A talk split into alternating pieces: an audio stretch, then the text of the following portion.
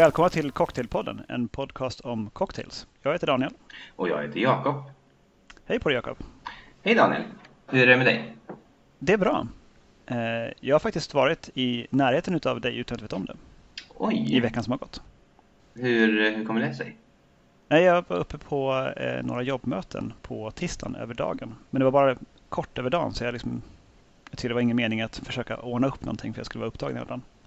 Jag förstår. Eh, själv kastas jag ju ständigt mellan eh, eufori och, och djup avgrundsdjup äh, eh, ångest. Eh, eftersom jag eh, dels eh, faktiskt gick på semester idag, eh, därav euforin då. Eh, som du kanske inte hör i min röst just nu för, för, det, för på minuskontot ligger att vår lägenhet ser ut som en krigszon.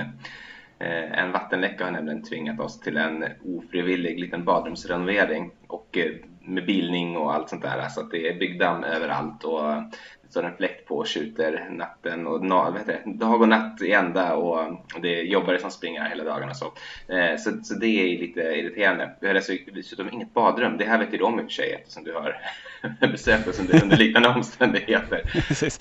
Jag ser fortfarande den här byggplasten precis bakom dig. Ja. Och, eh, jag, jag, vet också eh, sorgen över att behöva lämna huset och vandra ner till ett cykelförråd i ett annat hus för att kunna besöka herrarnas. Mm. Det, det, är fruktansvärt hur du lever. Ja, Men det, det, ska bli ändring på det, eller hur? Men det ska, ska bli ändring på det. Jag ger till eh, en plats också det utan, eh, utan en vanlig toalett. Förvisso, men ändå med betydligt högre standard, nämligen vårt eh, sommarhus dit jag eh, kommer åka tillsammans med Linda imorgon och sen kommer vi att befinna oss där i princip till vår lägenhet är klar tror jag eftersom vi är lediga nu. Det här kan ha innebörden att eh, frekvensen av Cocktailpodden-avsnitt kan bli lidande. Jag ska verkligen försöka att befinna mig på ett ställe där jag kan spela in kontinuerligt precis som vanligt. Men det finns inget internet ute på landstället så då måste jag ta mig in till Gnesta eller eh, vara någon annanstans där jag kan få tag på nät för att kunna göra de här inspelningarna. Men det ska jag försöka. Men jag kan inte lova att det kommer att, att bli precis ett i veckan. Men eh, aldrig mer än två veckor emellan ett avsnitt. Det, det lovar jag i alla fall. Mm, stora ord. Mm. jag kan få äta upp det. Precis. Men eh, även om jag inte var förbi er när jag var uppe i Stockholm så hade jag lite tid innan mitt tåg skulle gå. Och eh, då hade jag just ätit i Hötorgshallarna och så passade jag på att gå till Haymarket som ju ligger påpassligt till där. Eh, som jag aldrig varit på men som jag har hört mycket, mycket gott om. Och passade på att ta en cocktail. Det är ju vackert också. Det är ju lite så art deco-inspirerad inredning där eller eh, blanda ihop det med något annat Nej, den är, det är väldigt fint. Nedsänkt som en halvvåning. Eh, fönstren är liksom sådär halvvägs upp på väggen och så är de i gatuplan. Just det. Så eh, jag menar, där på eftermiddagen så var det, var inga andra folk där. Så vi liksom pratade med han som stod i baren och, och njuta en mescal cocktail som de just hade börjat med. De hade börjat med en sommarmeny som var lite mindre. Någonting Sinners and Saints eller något sånt där hette den. Det mm. var mescal, lime eh, och fläderlikör. Okay. Och chili någonstans i där också. Mm. Serverat i något metallsnäckskal historia. Det låter ju lite grann som en eh, margarita men med fläder istället för trippelsec. Det skulle man nog kunna mycket väl beskriva det som och det var också så som smaken var. Det var som en, en mescal sour på något vis. Eller en Daisy blir det då. Ja, just det. Om vi går tillbaka till Men det var trevligt. Så det är liksom precis lagom att hinna med en, eh, en cocktail innan jag satte mig på tåget ner till Göteborg. Mm, vad trevligt. Och det knyter ju också lite grann in till, till dagens tema som kommer att vara agavesprit eller tequila med skall och liknande. Exakt, och det kommer väl framförallt att vara mycket tequila och mezcal. Eh, innan vi sätter igång med det, skulle jag, kunna få, skulle jag kunna få ta dig tillbaka i tiden ett par år? Det låter lite otäckt, men okej. Okay. Mm, det här är, det är inte, inte fullt så otäckt som det låter kanske. Eh, det är nämligen så att jag nyligen har eh, återupptäckt ett sätt att blanda till en viss drink. Men för att liksom komma, komma fram till det så måste jag nästan börja kanske en 7-8 år sedan. Eh, och det här var på den tiden då jag och Linda bodde i Uppsala och eh, innan vi hade börjat blanda drinkar så passionerat som vi gör idag. Och vi hade heller inget stort eh, barskåp eller sådär. Men likväl så kunde det hända på fredagskvällarna att jag gärna gjorde mig en dry martini. Och då gjorde den på ett, vad jag tänkte, ganska barbariskt vis. Jag lät nämligen en ginflaska alltid vara i frysen så att den alltid var isande, isande kall.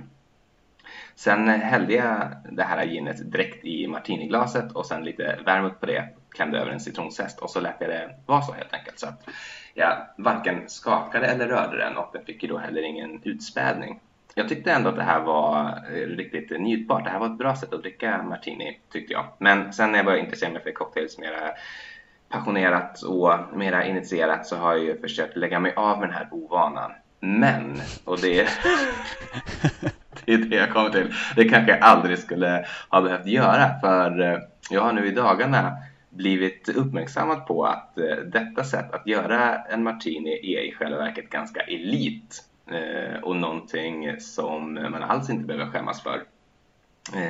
Jag läste en artikel som handlade om en gammal bekant till oss som jag pratade om i podden tidigare, nämligen London-baserade italiensk ättade bartendern Salvatore Calabrese. Minns du honom?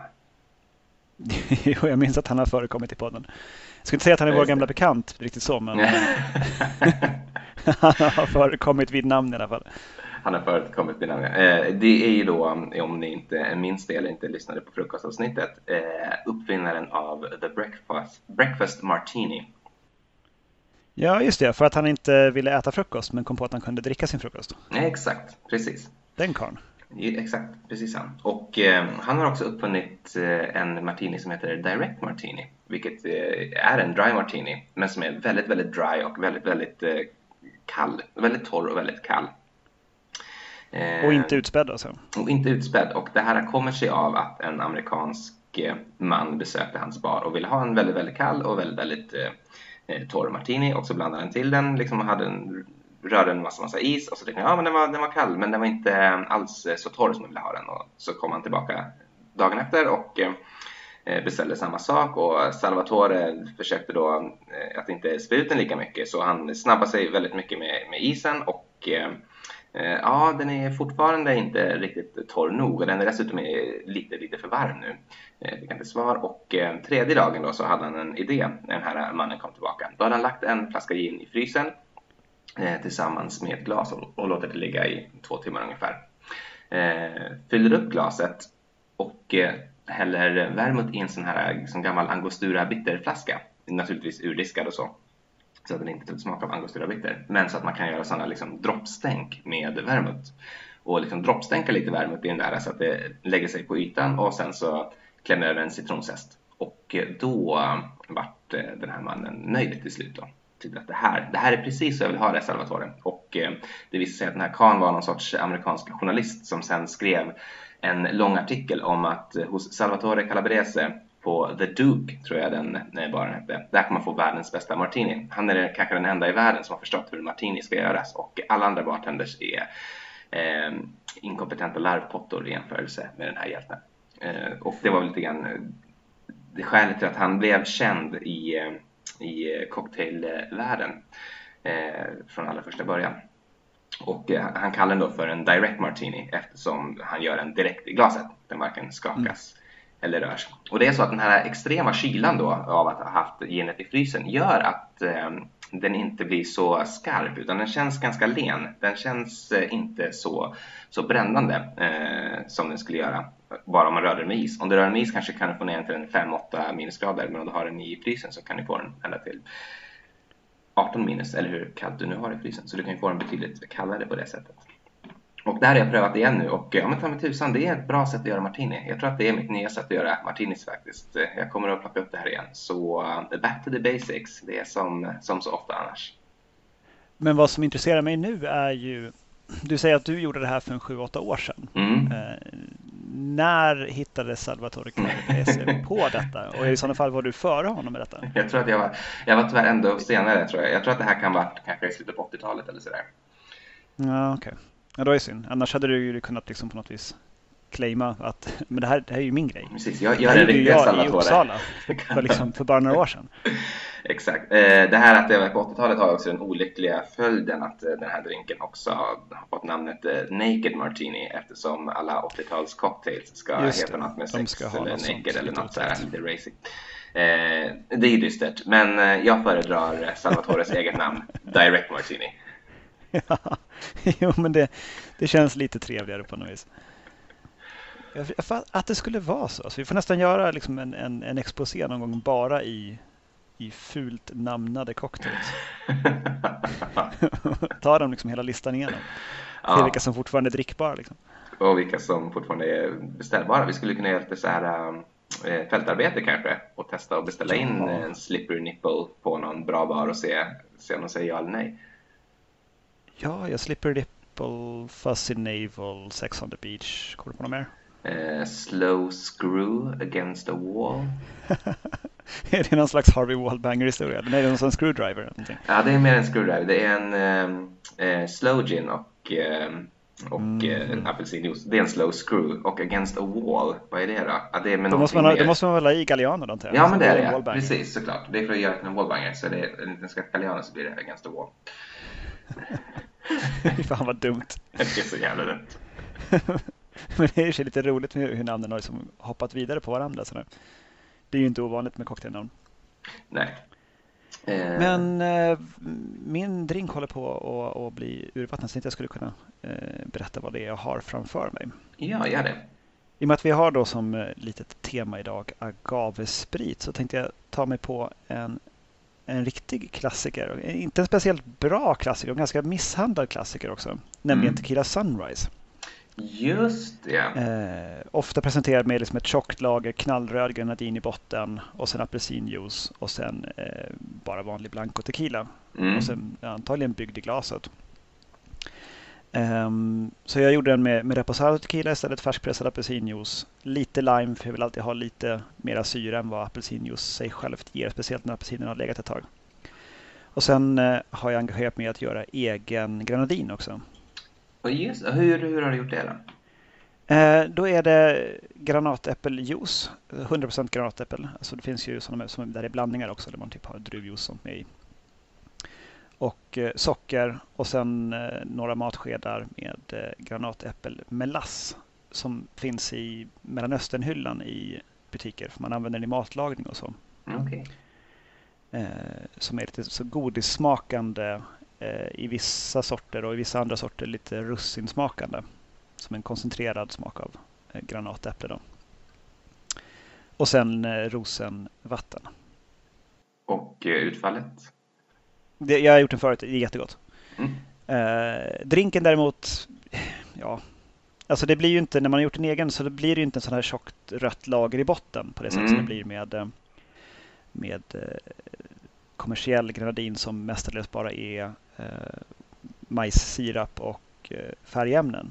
Mm. Så den här är, jag kan ju ha upp flaskan också. Den här, det här är grenadinen. Den är nästan brun i flaskan, alltså ogenomskinlig. Um, så den blir ju inte samma färgeffekt, men den har å andra sidan sin egen smak. Och uh, innehåller inte majssirap och, och rött färgämne nummer någonting, någonting. Så det är lite mer tillfredsställande att, att dricka. Man kan också använda grenadin i väldigt många cocktails. Så att, mm. eh, nu när jag äntligen har kommit mig för att göra en flaska igen, för det, det var ganska länge jag inte hade en, så eh, ska jag ge mig på lite gamla cocktails igen och se vad, som, vad vi har saknat. Grenadin förekommer ju i väldigt många recept från eh, Days of Yore, verkligen. Mm. Precis, så ofta så är det någon, någon sked där det stänk. Liksom. Mm. Inte några stora mängder. Sen har jag, jag slagt i en liten skvätt med vodka i flaskan också för att det ska hålla sig lite längre. Sen ska det börja växa någonting i min eh, granatäppel eh, grenadin. Så det har jag pysslat med. Och eh, vart, den, vart den god tycker du? Drinken eh, alltså? Drinken, alltså det är, det är väldigt mycket apelsinjuice i och så det, det blir mm. liksom lite, lite tomt. Man hade velat göra någonting mer med den och det finns inte recept utan man har gjort lite mer. Man har i crème de cassis eller man har i eh, eh, triple sec och andra sådana saker för att få liksom lite mera andra smaker än bara mm. själva apelsinjuicen. Men det är uppfriskande. Jag kan tänka mig som en, eh, en brunchcocktail eller liknande. Inte oövat. den känns nyttig på något vis. Mm, ja, det gör den. Jag har, jag har en vän som är väldigt förtjust i Tequila Sunrises så jag har blandat till eh, ett gäng. Men då är det ju på köpesgranadin för annars får man inte riktigt den här eh, vackra skiftningen som, som man är ute efter. Dessutom har jag ingen egengjord grenadin hemma. Men eh, väldigt apelsinig är den ju även i sin vanliga, vanliga skepnad. Jag har också en, en drink med grenadin. Då kanske jag kan passa på att ta den på en gång. Mm. Den är alldeles rosa som du ser.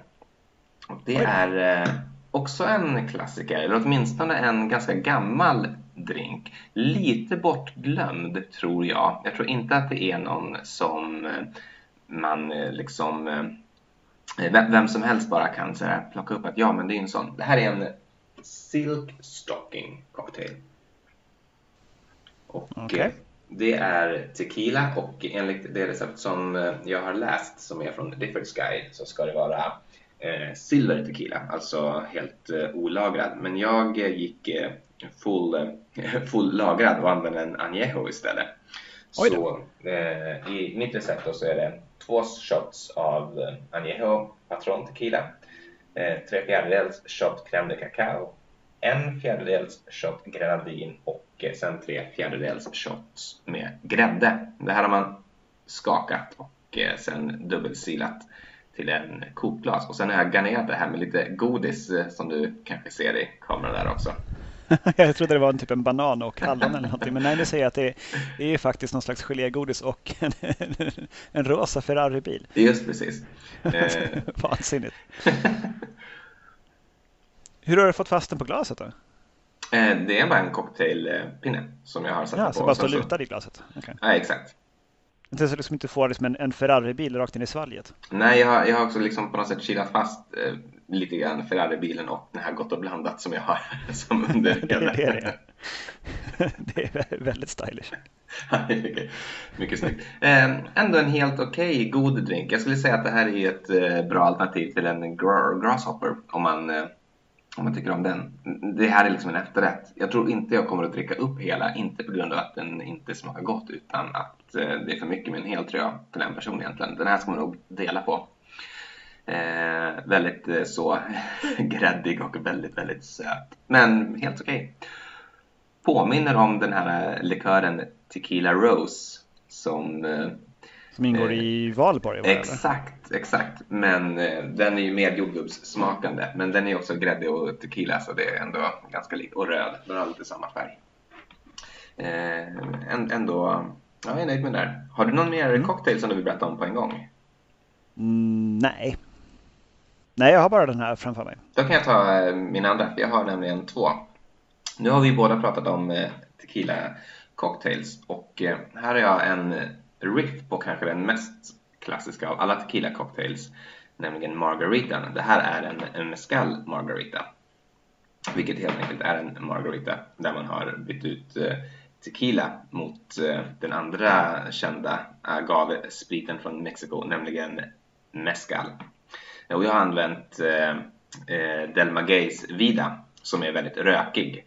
Det finns också tämligen orökig mezcal, men inte vad jag vet att få tag på på något enkelt sätt i Sverige utan den som säljs via bolaget är rökig, åtminstone alla som jag har prövat. Jag vet inte om du har några andra upplevelser av det? Nej, jag har ju bara prövat dem som du har prövat också.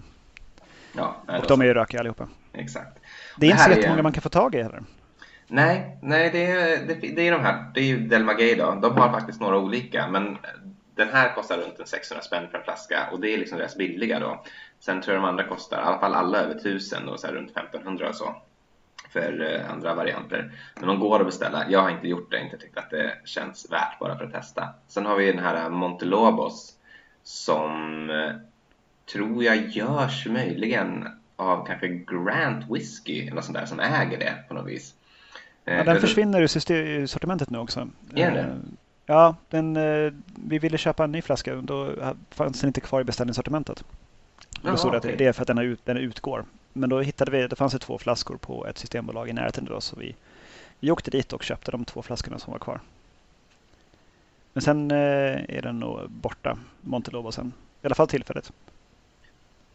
Det finns ju några, det finns ju ett sånt specialbolag eh, i Stockholm, det finns tror jag i Göteborg också, som har såna här småpartier och så som inte direkt, eh, som de bara liksom tar in på de bolagen med jättesmå partier, kanske bara ett par enstaka flaskor och så. Där har de också ett annat, en annan producent av eh, mescal som jag tror de heter, kan de heta Lambrusco eller något sånt där. Eh, har jag dock aldrig eh, provat heller så jag kan inte säga hur de är men det, det finns åtminstone att beställa. Eh, men eh, förutom då eh, mm, mescal i den här eh, margaritan så är det också då en apelsinlikör och eh, jag har i det här fallet tagit eh, Cointreau.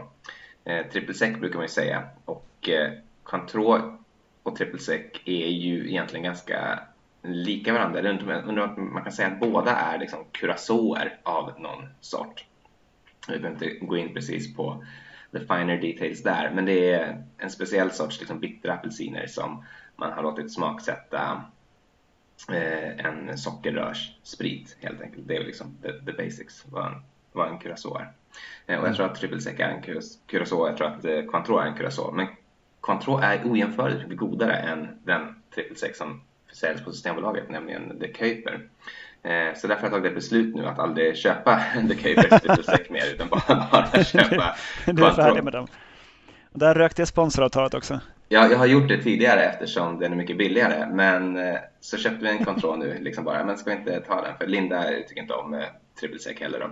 Eh, och så tyckte jag, men det är ju, det är ju mycket bättre. Control är helt enkelt en, en överlägsen, en överlägsen curacao. Så den här innehåller Control och tillika förstås limejuice. Och jag har också slängt i en liten gnutta salt samt eh, eh socker från eh, agavesirap som ju finns att köpa i helt vanliga affärer för att få en ännu mer agavig smak då eh, i den här eh, drinken. Väldigt god, väldigt läskande, rökig, lite, lite sälta, mycket syra. Fantastiskt, fantastiskt bra drink. Ja, nej, jag tycker det, det, det och just att göra med, med mescal. Jag brukar blanda mescal och vanlig tequila.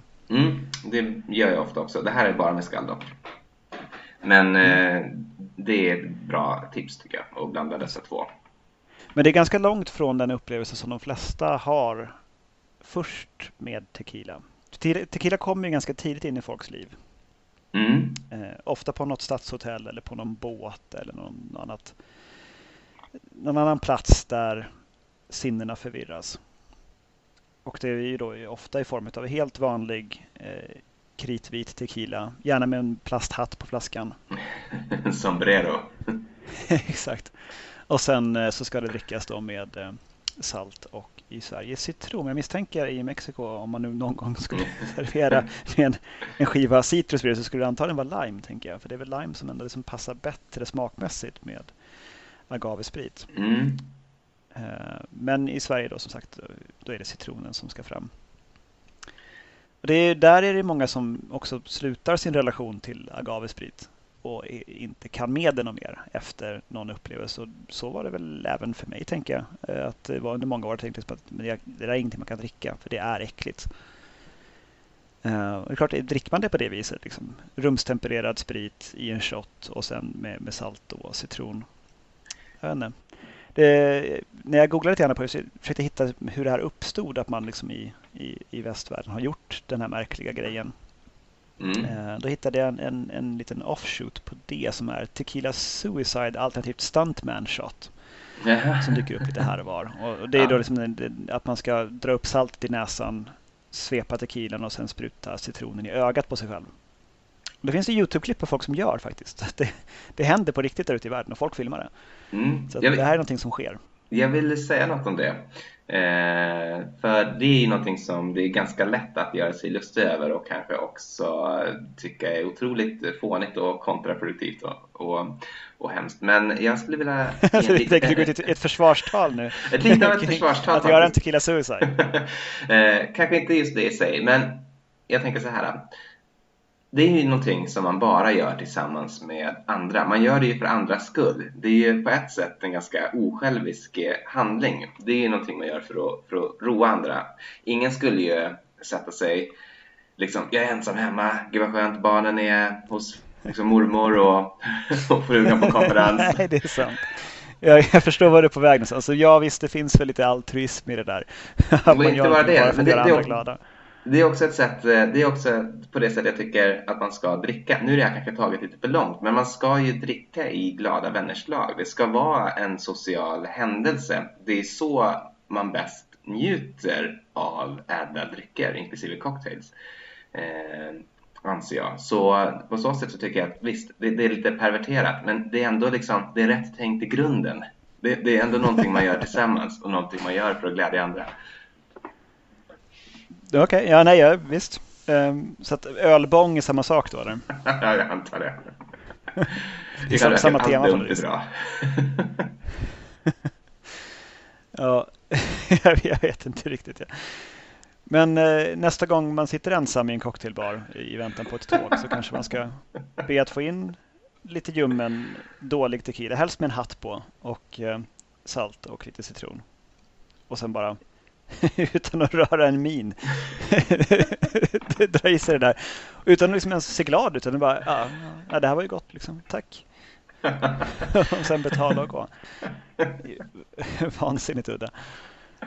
Men rätt kul. Eh, men i alla fall när jag kollade på det där just med, med, med shots och sånt. Då dök det upp lite alternativ liksom, som har kommit upp genom åren på att man, man ska fortfarande då shotta sin tequila. Men istället för att ha salt och citron så har man hittat på massa andra saker man kan göra.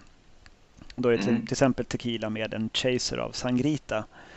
Som är ett litet glas med eh, tomatjuice blandat med apelsinjuice, lime, tabasco och salt. Som en liten sån mini eh, Bloody Mary kan man säga utan sprit. Mm. Som man då som, i ett lika stort glas som tequilan så drar man i sig efter. Och en annan som heter El Vocho som man då följer efter tequilan med en grön dryck som är ananasjuice, eh, koriander, mynta. Som man har bländat och liksom, gjort i en shot. All right. Inte provat, men det låter rätt gott båda två. Ja, det tycker jag. Alltså den här lilla sangrita och tequila kan jag verkligen eh, tänka mig. Och mm. varför inte Speciellt om man inte shottar utan man tar en bra tequila och så sitter man och sippar eh, mm. om vartannat, den ena och den andra. Ja, men verkligen. Det riktigt behagligt. Och det tror jag skulle kunna vara en utmärkt liten brunch-alternativ till en eh, Bloody Mary också. Ja, absolut. När vi kör eh, brunch och frukostcocktails del två så kommer vi ta med den. Mm, när vi gör det. um, men sen så kikade jag lite grann på för mescal och tequila, och det har vi varit inne på tidigare i Cocktailpodden, att uh, alla tequila är mescal, men alla mescal är inte tequila, för tequila görs i vissa delar av Mexiko. Så, så det är många av de andra sorterna som finns också. För det finns nämligen mer än bara mescal och tequila som har namngivna eh, spritsorter. Eh, några av dem är en Raitzilla eller R-A-I-C-I-L-L-A, Raitzilla. Eh, mm. Som också är, eh, görs i eh, en viss delstat bara, alltså bara i Jalisco. Just det. Görs, alltså verkar vara typ detsamma ändå. Den är, eh, görs med eld i sådana här ugnar i marken och sen så är den fermenterad och destillerad. Det är ingen större skillnad mot mot mescal? Jag tror att, eh, jag tror att det finns de som vill eh, förbjuda Raitzilla faktiskt. Eh, typ Montelobos. För att... Är det för att det är hembränt eller? Nej. Eller är det för att de tycker att det, in, det inkräktar på deras Jag tycker grej? Att, de, att, att, att det inkräktar på deras grej. Eh, vilket ju skulle vara väldigt tråkigt om ett sånt liksom stort och viktigt kulturarv och viktig försörjningskälla för många liksom, familjer i Mexiko skulle försvinna om det där mm. röstas igenom. Men det är någon sorts sån strid på gång nu har jag förstått. Eh, okay. Hoppas att det inte blir så. Vill du, ja, förlåt jag bröt in där. Vill du fortsätta? Nej, det är ingen fara. Jag, jag har några till. Eh, mm. Bacanora eh, verkar också göras så och eh, i sådana här ugnar i marken med eld som är också en rökig historia. Eh, och sen så skillnaden där är att man fermenterar det i eh, cementtunnor eller cement eh, bassänger eller någonting sånt i marken. Mm. Eh, under luftfria förhållanden står det. Det är lite oklart vad det betyder faktiskt. Men ja. det låter spännande. Sen är den destillerad, eh, en vanlig destillation i, i rostfria eh, destillatortankar. Um, den var olaglig den här produktionen fram till 92.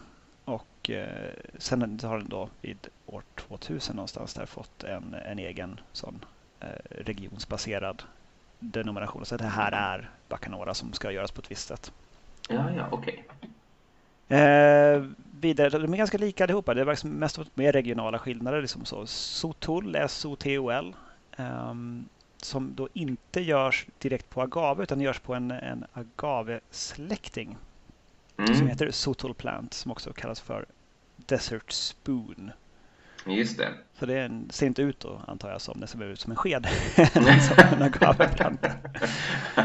Det är lite kul att den görs på en annan växt. Um, sen uh, allt annat lika, liksom, den uh, bakas i en ugn och uh, krossas och sen fermenteras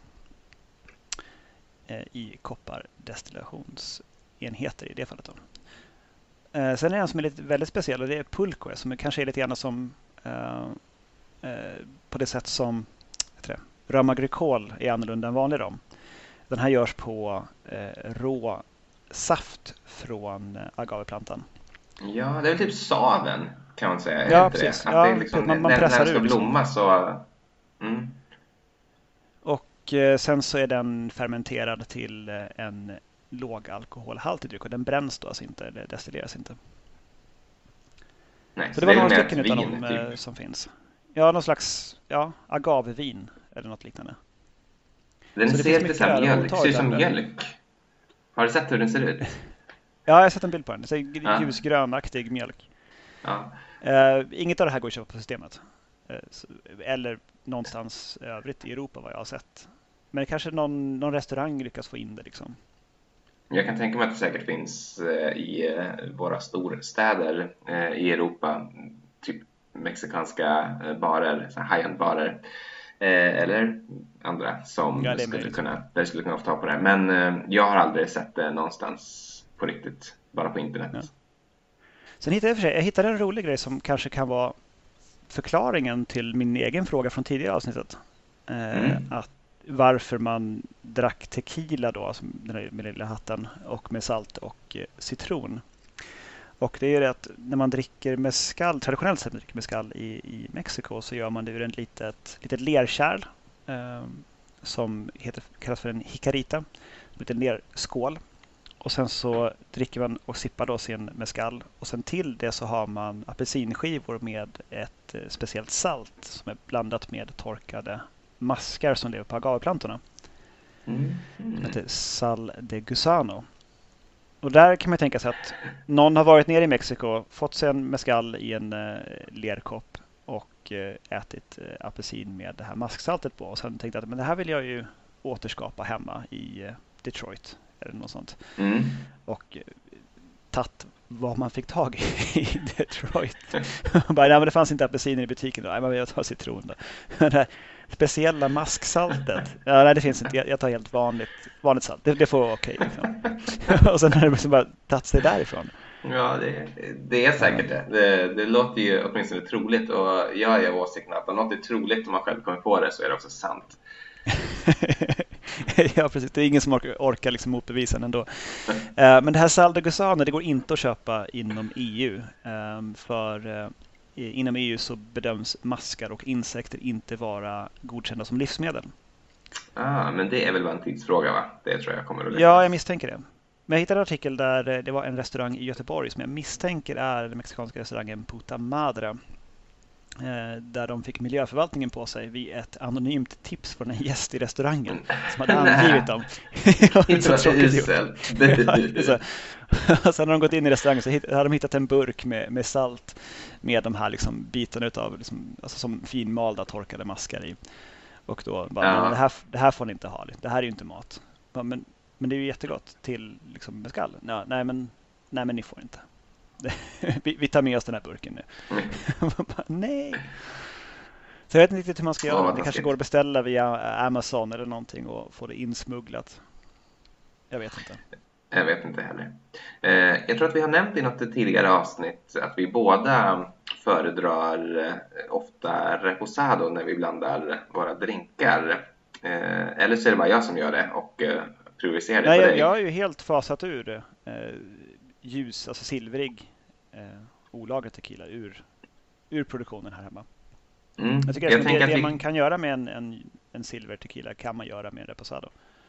och det blir bättre. Jag är av samma åsikt eh, och eh, ibland så vill jag ju ha en añejo och ibland så vill jag ha en eh, reposado. Men allt, oftast faktiskt reposado, det är ändå min go-to lagringsgrad. Så jag tänkte att vi kanske ska reda ut de här begreppen. För det finns ju egentligen två liksom parallella eh, liksom färgskalor, eller vad man ska kalla det för, på agavesprit varav egentligen en är respektabel och den andra är skräp. Eh, och den som jag tänker på som skräp det är den som, man, som är liksom silver eller ibland också blanco och eh, gold.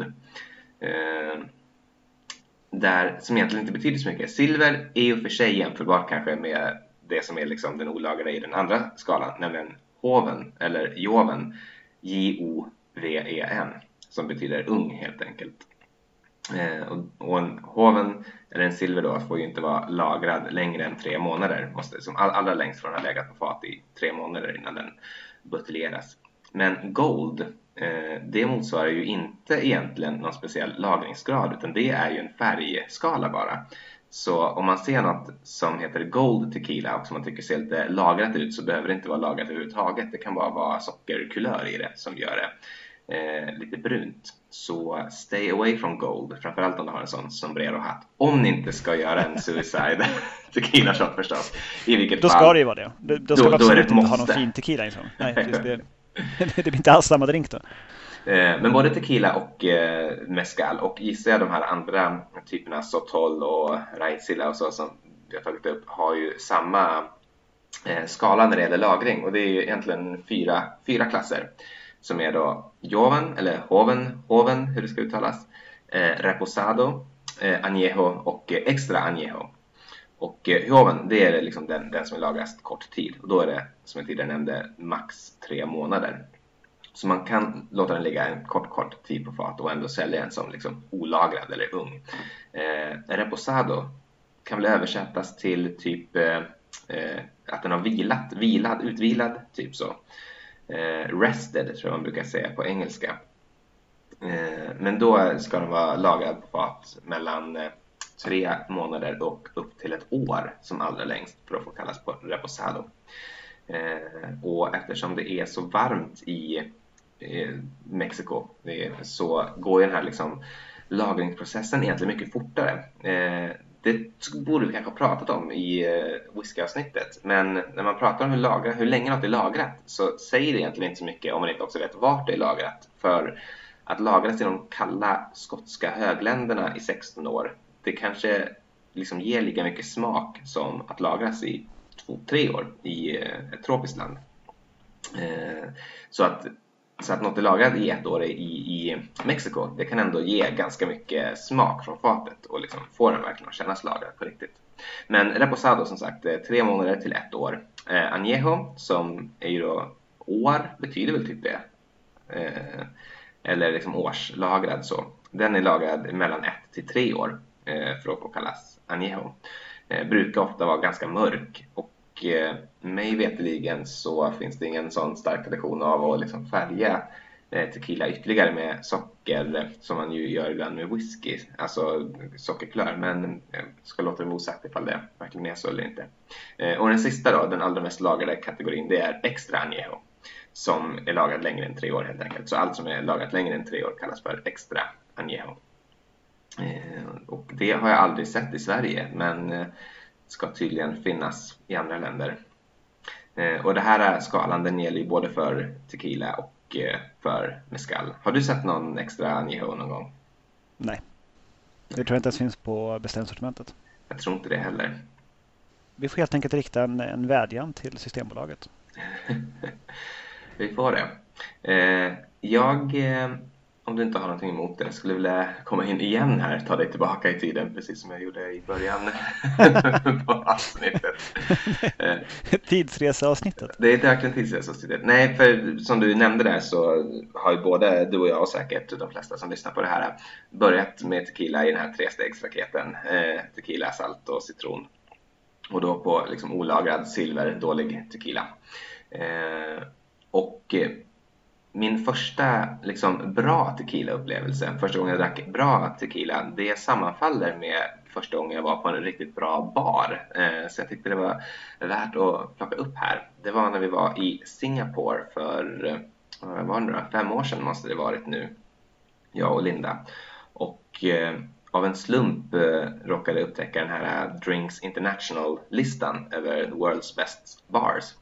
Och två av dem låg just i Singapore där vi var på besök, så vi besökte dem självklart båda två.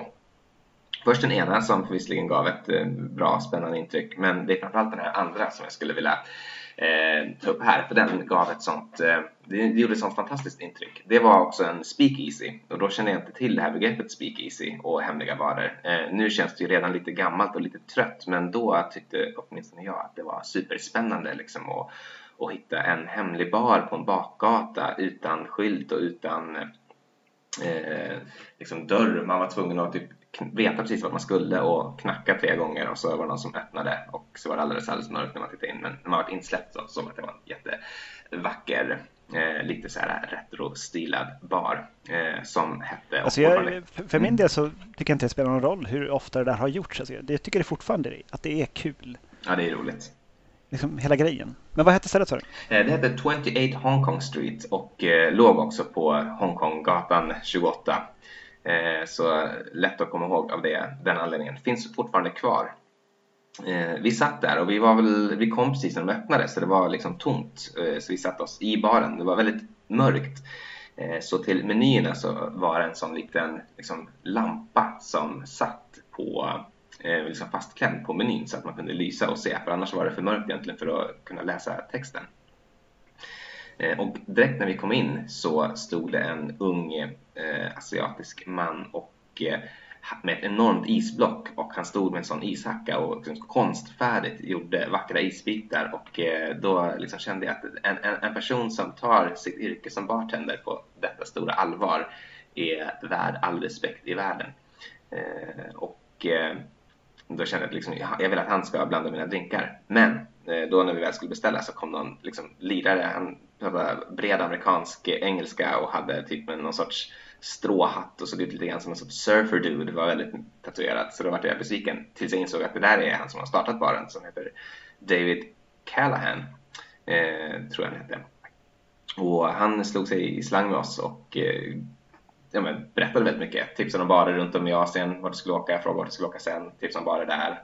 Eh, han brukade åka runt ganska mycket och undervisa på olika barer. Så, ja, men där har jag varit. Ja, honom har jag pratat med. Honom har jag liksom lärt de här, de här sakerna. Så, ja, superkunnig och eh, fantastisk. Och var ju den bästa bartendern man kunde tänka sig, både för att blanda drinkar och för att berätta om eh, barkultur eh, för oss. När vi skulle betala i alla fall så såg vi att han hade eh, tagit betalt för en drink för lite.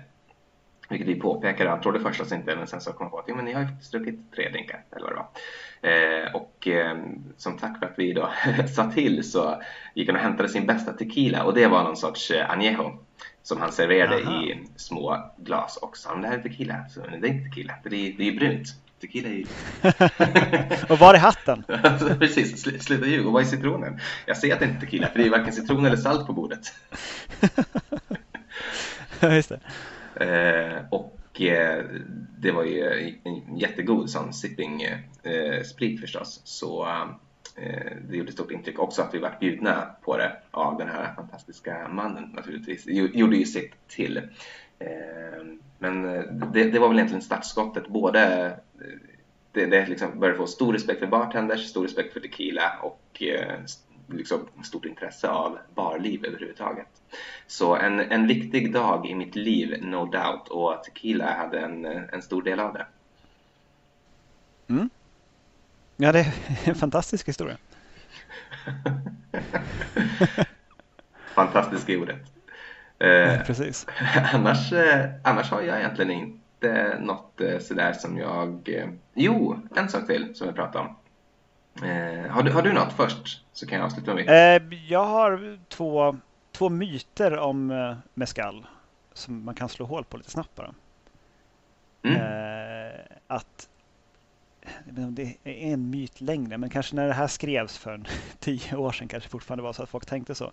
Men att mescal, det är det om du har en, en, en mask eller en larv i flaskan. Och nej, det ska de inte ha. Det är, som en, det är en, en grej man har lagt i för att sälja till amerikanska turister precis vid gränsen. Liksom, som man lagt in mask i för att det skulle vara en grej och så skulle man äta den här masken och så skulle man bli lite hög på det då.